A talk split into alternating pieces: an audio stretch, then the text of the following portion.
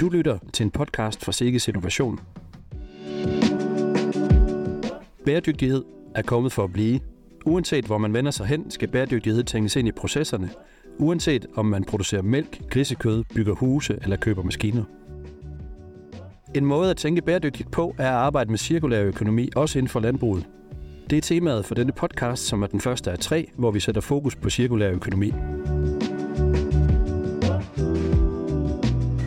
Mit navn er Erik Sur. Jeg vil være jeres vært i denne podcast, og for at blive klogere på, hvor vi er lige nu og hvor vi er på vej hen, har jeg inviteret Søren, chefkonsulent i Sikkes Innovation, i studiet til en snak om cirkulær økonomi.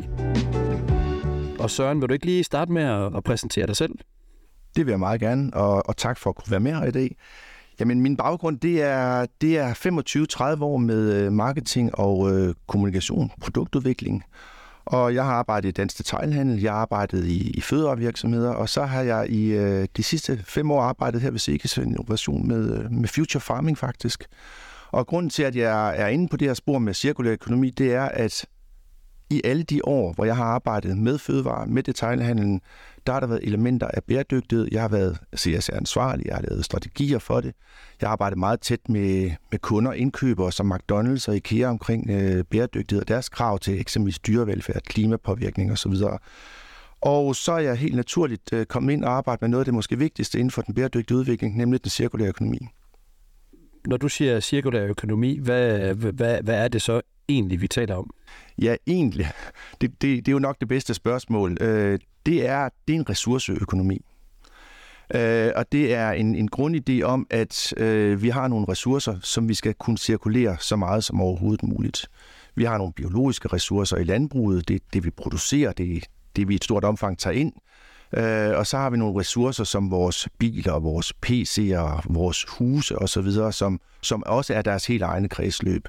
Og det er et spørgsmål om at få de ressourcer, vi, vi tager ind i systemet, øh, producerer, bruger, anvender, få dem til at leve så længe som muligt. Det er det, er det grundlæggende, øh, man, man taler om, når man mener cirkulær økonomi. Gælder det også for de øh, biologiske processer, der er en del af landbruget? Altså nu siger du meget med ressourcer, du tager ind. Øh, I landbruget har man jo mange ressourcer, der, der egentlig i mange optik er cirkulært forbundet i forvejen.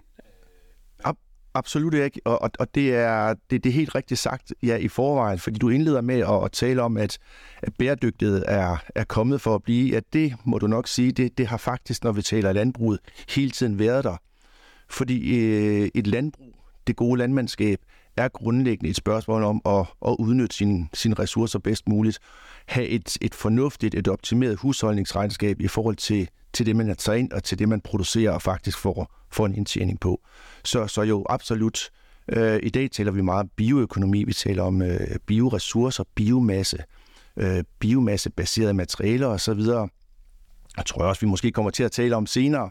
Øh, men det er egentlig baseret på, at jamen, du har en hektar jord, du har en afgrøde, du planter den, du plejer den, du høster den, og det skal du gøre så optimalt som overhovedet muligt. Så på den måde, øh, ja, det er noget, landmanden gør. Det er noget, de er sindssygt dygtige til.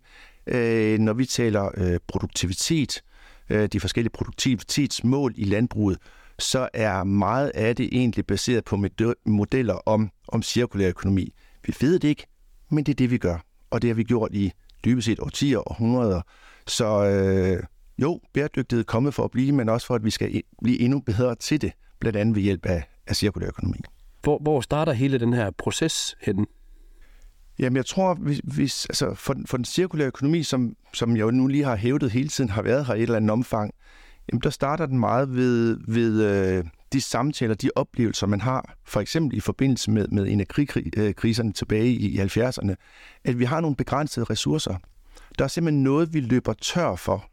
Så hvis ikke vi er i stand til at recirkulere det, bruge det på en anden og bedre måde, eller blive helt fri for det. For eksempel øh, de, øh, de fossilbaserede råstoffer, øh, eller i, øh, i landbruget, hvis det er fosfor, den kan vi nok ikke undvære øh, på nogen måde, men vi kan recirkulere den i højere grad, jamen så er det, så er det det bedste, så er det noget, vi, vi er nødt til at gå efter. Det, der så er blevet, øh, kan man sige, øh, en revitalisering måske næsten af den cirkulære økonomi, og som også gør, det en dag er en helt integreret del af EU-politikken på en masse områder, det er, at øh, i og med det er en ressourceoptimering, og noget af det, som, som, som landmændene er så sindssygt dygtige til, jamen så bliver det faktisk også et klimavirkemiddel. Fordi jo bedre du bliver i stand til at udnytte en given ressource, jo mindre klimabelastning alt andet lige ved forbruget eller produktionen, eller hvad det nu måtte være, have. Så, så derfor bliver hele den, den cirkulære økonomi et af de store områder for, hvordan kan vi få en mindre klimapåvirkning.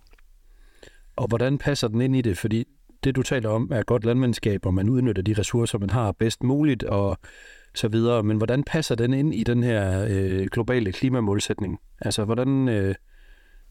Jamen, taler, taler, vi, taler vi landbruget, så er det jo dybest set et spørgsmål om at få så mange fødevarer ud af en given hektar, et givet staldareal som muligt. Det, det, er, det, er, det er en optimeringstankegang. Så det er, det er sådan helt grundlæggende mere for mindre. Øh, det fungerer ikke optimalt i alle sammenhænge, heller ikke når vi taler bæredygtig udvikling. Der er nogle, nogle, nogle, nogle konflikter i forhold til natur, biodiversitet, øh, velfærd, vores eget sociale velfærd osv. Men grundlæggende er det en ressourceoptimeringstankegang. Så igen, jo mere vi kan få ud af det input, vi leverer i en fødevareproduktion, i landmandsproduktion, i primærproduktionen, jo mindre klimapåvirkning alt andet vil det have. Så det, det, det, er, det, er, det er hele grundtanken, og der, der er vi jo i, i fødevareproduktionen, som er, som er en nødvendighed. Øh, og der kan vi bare levere rigtig, rigtig meget. Og i hvert fald, som, om man ikke andet, starte med at, at fortælle, hvad det er, vi er sindssygt dygtige til, og måske lære det fra os i, i andre sammenhænge.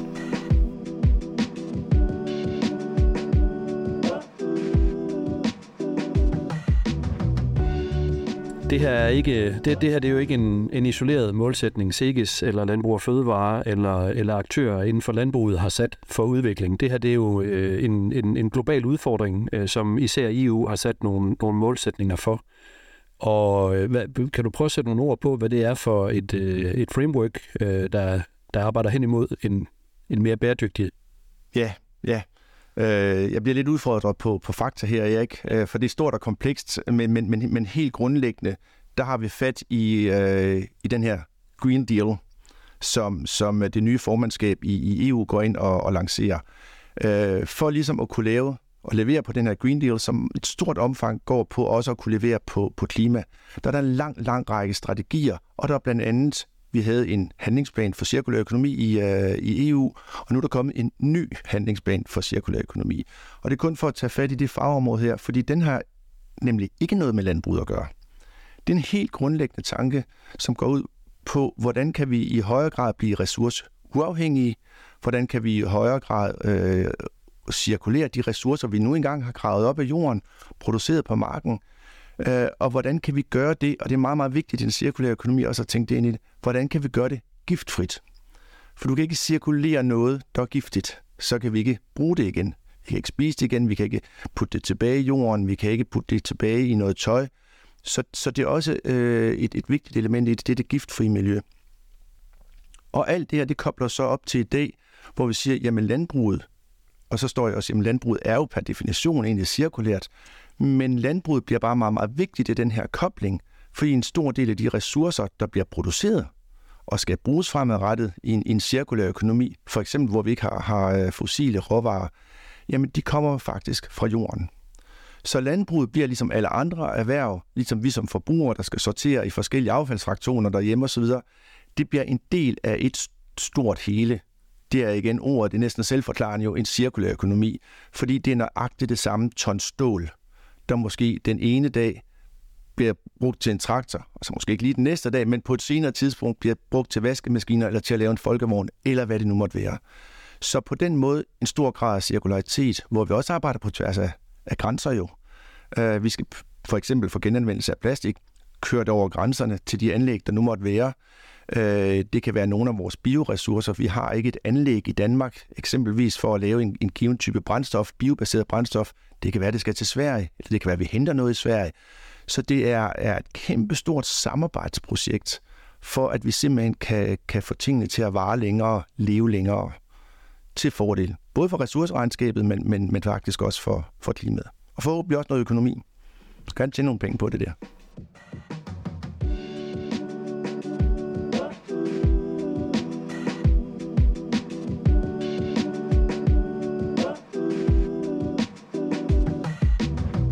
Ikke fordi man, man skal tænke nødvendigvis en ny forretning eller mere forretning, men for, for landbruget ligger det meget i den her øh, træning i bedre ressourceudnyttelse, højere produktivitet faktisk, og dermed sparede omkostninger. Det er der en stor del af forretningen ligger for landmanden.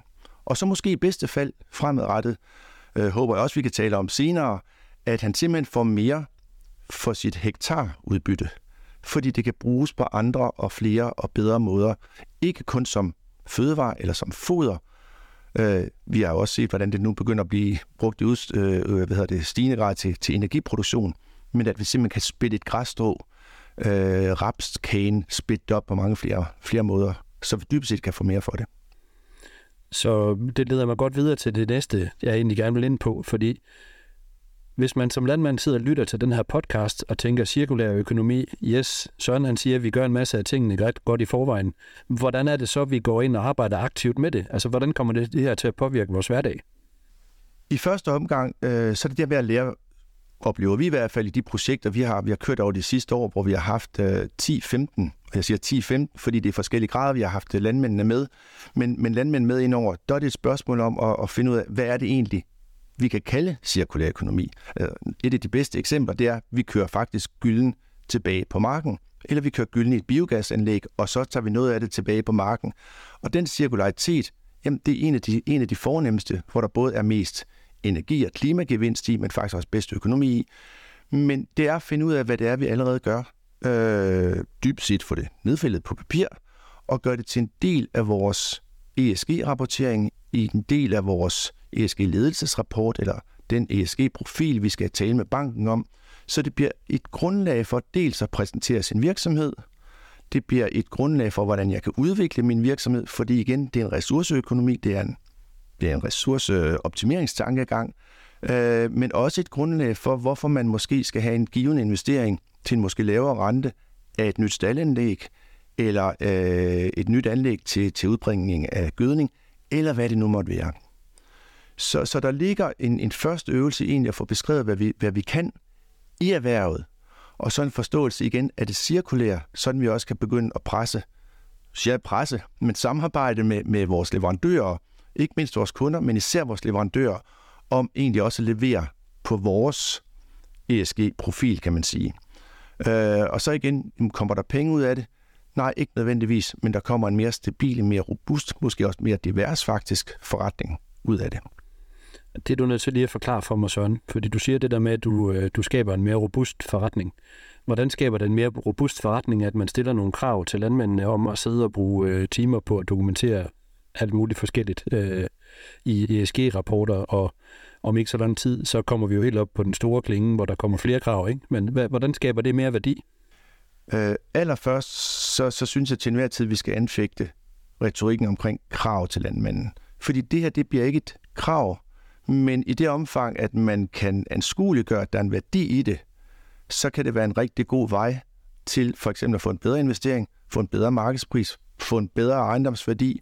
Ikke nødvendigvis få en bedre afregning på, på mælken eller kødet eller, eller ruen, men, men simpelthen få en, en, et bedre billede af ens virksomhed som en forretning. Øh, grunden til, at jeg anfægter den her med, med krav, det er fordi, det vil være over for nogen, der vil, det vil det være et krav ud fra en lang række standarder, øh, beskrevet af, af EU, at der skal man kunne rapportere på. Men man kan også godt rapportere på og forklare, at det er ikke relevant for min virksomhed. Så skal man faktisk ikke dokumentere på det. Øh, og så det, der er det interessante i det, i den her med, med værdiskabelsen, det er også, det er ikke en rapportering forstået som, jeg leverer sådan og sådan på det og det tal, den og den handling, men faktisk også at kunne vise, at man har nogle handlingsplaner. Det bliver en stor del af den her måde at rapportere på. Man har en række handlingsplaner for at ville kunne gøre det endnu bedre i fremtiden. Og dermed bliver det også et incitament til en bedre forretning. Robustheden øh, opstår i et stort omfang ved, at man får måske flere forretningsmodeller, eller kan indgå i flere værdikæder. Det igen tilbage til den der med, at man har en given høst, jeg har ærter, jeg leverer ærter. Nej, du leverer mere end ærter. Du leverer faktisk også noget, der måske kan bruges til noget materiale. Øh, man taler meget om industrihamp for eksempel. Jamen, der er jo fibre i enhver plante, der kan bruges både til at lave biobaserede poser, til at lave byggematerialer, til at lave alt muligt andet med. Så du har en mulighed for faktisk, og vi taler ikke i morgen, Men der er en mulighed for, at man kan lave en, en mere robust forretning baseret på de samme afgrøder. Men måske også, at man faktisk kan få en større mængde og dermed en, en øget robusthed i sit afgrødemix eller i sit produktionsmix generelt. Øh, og så er vi også helt tilbage i det her med, hvordan man, øh, hvordan man bruger sin jord, øh, som jo er det, man ens produktionsaktiv, altså sit, sit, sit areal, det man ejer.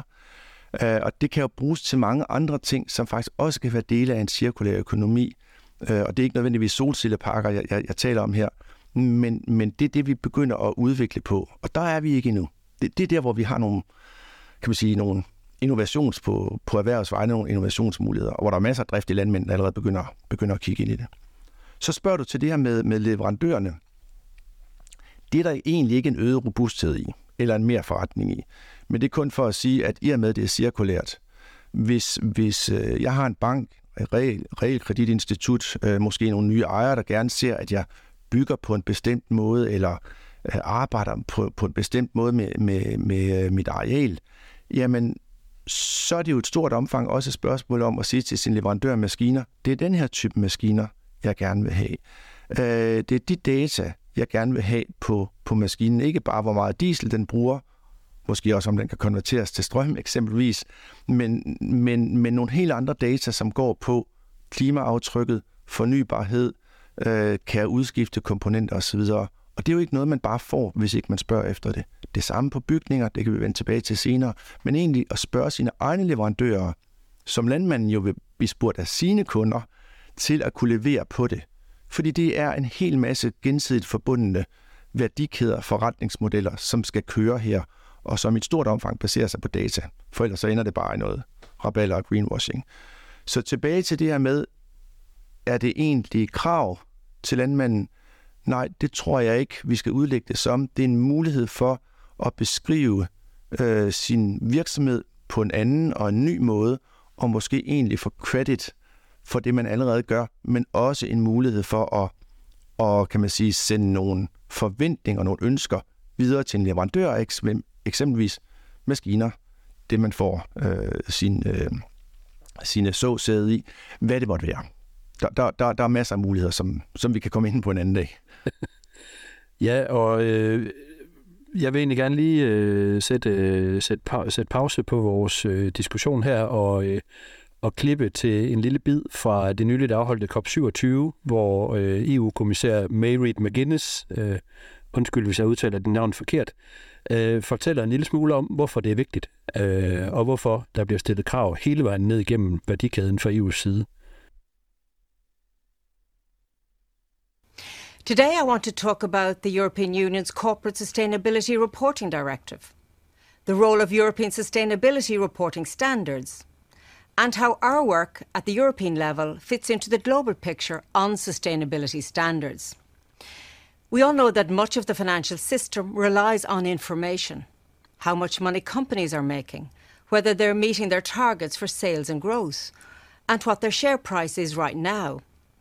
But we should also be asking for information about sustainability what a company's carbon emissions are, whether their board is gender balanced, how employees and their supply chain are treated.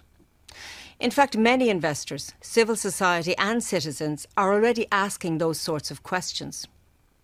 It's not just about the information itself. We want companies to reflect social and environmental considerations in their decision making. By reporting on the impact they have, companies can adopt a sustainability mindset at all levels and think more about the long term. As part of disclosure requirements, companies will disclose their transition plans, helping to refocus and track their efforts towards sustainability. We ultimately want to put sustainability information on the very same footing as financial information. And then we can measure the success of companies, not just in terms of their balance sheet, but also their contribution to a sustainable economy. Nu har vi lige hørt, hvad Merit McGuinness hun indleder en konference på til COP27. Altså, det lyder som om, at det her det bare er en lille bitte del af puslespillet i den helt store øh, kontekst. Hvad, hvad, hvad tænker du om det, Søren? Jamen, når hun udtaler sig, så udtaler hun sig jo netop på den store klinge. Øh, hun udtaler sig om det, som kommer til at, at påvirke os alle sammen, som vi alle sammen er en del af. Øh, om man, om man er frisør, eller tømrer, eller skolelærer, eller dig og mig, Erik, eller landmand, så bliver vi en del af det her.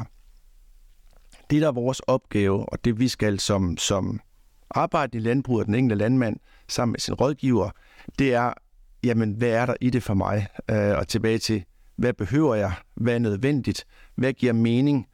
Øh, og så kan vi selvfølgelig stå og vente på, hvad, hvad ønsker vores kunder? Hvad kræver de? Fordi så er det bare levere per ordre. Men af eget initiativ, hvad passer med ens måde at drive virksomhed på, øh, ens strategi osv.? Øhm, hun nævnede også det her med, med de her standarder, øh, European Sustainability Reporting Standards, og der kommer en standard, eller der er en standard, hun taler faktisk om drafts, de ligger faktisk allerede færdige, faktisk ugen inden hun, øh, inden øh, hun, hun, hun giver sin tale her, der bliver de faktisk øh, gjort færdige til overlevering til, til kommissionen. Der ligger en, øh, en standard for, hvordan man rapporterer på ressourcer og cirkulær økonomi. Det er et rigtig godt sted at starte. Øh, ikke som landmand, jo, det kan I godt. Øh, det er nemt nok at finde, når det kommer til stykket. Men som rådgiver, som ansat i landbruget, hvad står der i den konkrete standard? Hvad betyder det for min rapportering, inden man kaster sig ud alt muligt rapporteringshalløj i hvert fald, som, som kan være meget, meget nemt, men også kan, kan have en anden grad af kompleksitet. Der skal vi finde et niveau, der passer den enkelte landmand, stor og lille, hvilken produktionsgren er man i, hvad har man af kunder, hvordan kan man påvirke sine, sine leverandører. Men der er et rigtig godt sted at, at læse sig ind på, hvad hulen betyder cirkulær økonomi og ressourceanvendelse i en EU-sammenhæng, når vi taler øh, rapportering fremadrettet. Og nu siger vi hele tiden rapportering, fordi det er det ord, man bruger, men dybest set så er det jo igen, det er handlingsplaner. Hvordan vil man egentlig forandre? Hvordan vil du arbejde med bæredygtig udvikling i din virksomhed på dit landbrug? Ja, godt. Jeg tror, øh, vi øh, er der, hvor vi skal til at, runde øh, emnet en lille smule af. Men før vi lige slutter, så vil jeg jo lige tisse for de næste to afsnit i den her lille miniserie.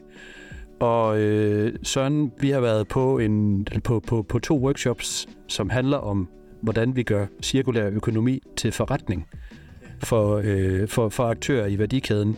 Vil du ikke lige prøve at fortælle lidt om, hvorfor vi har, har gjort, altså først hvad vi har gjort, og hvorfor vi har gjort det? Jo, meget kort. Øhm, cirkulær økonomi, bæredygtighed, alt.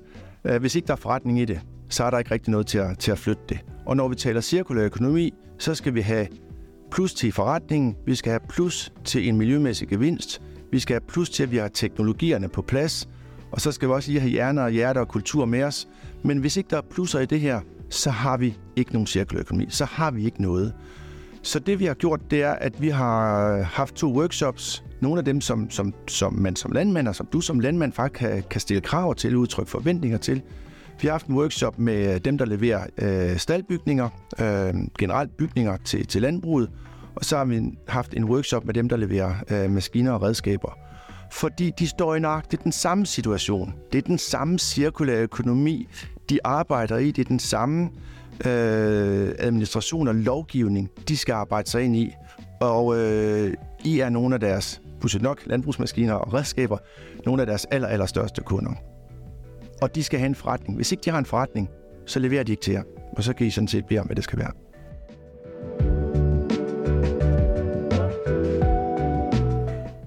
Fantastisk. Jeg tænker, at vi lader det være de sidste ord for, for det her afsnit. Øh, jeg håber, at vi lytter med næste gang, hvor vi sætter fokus på, øh, på landbrugets bygningsmasse.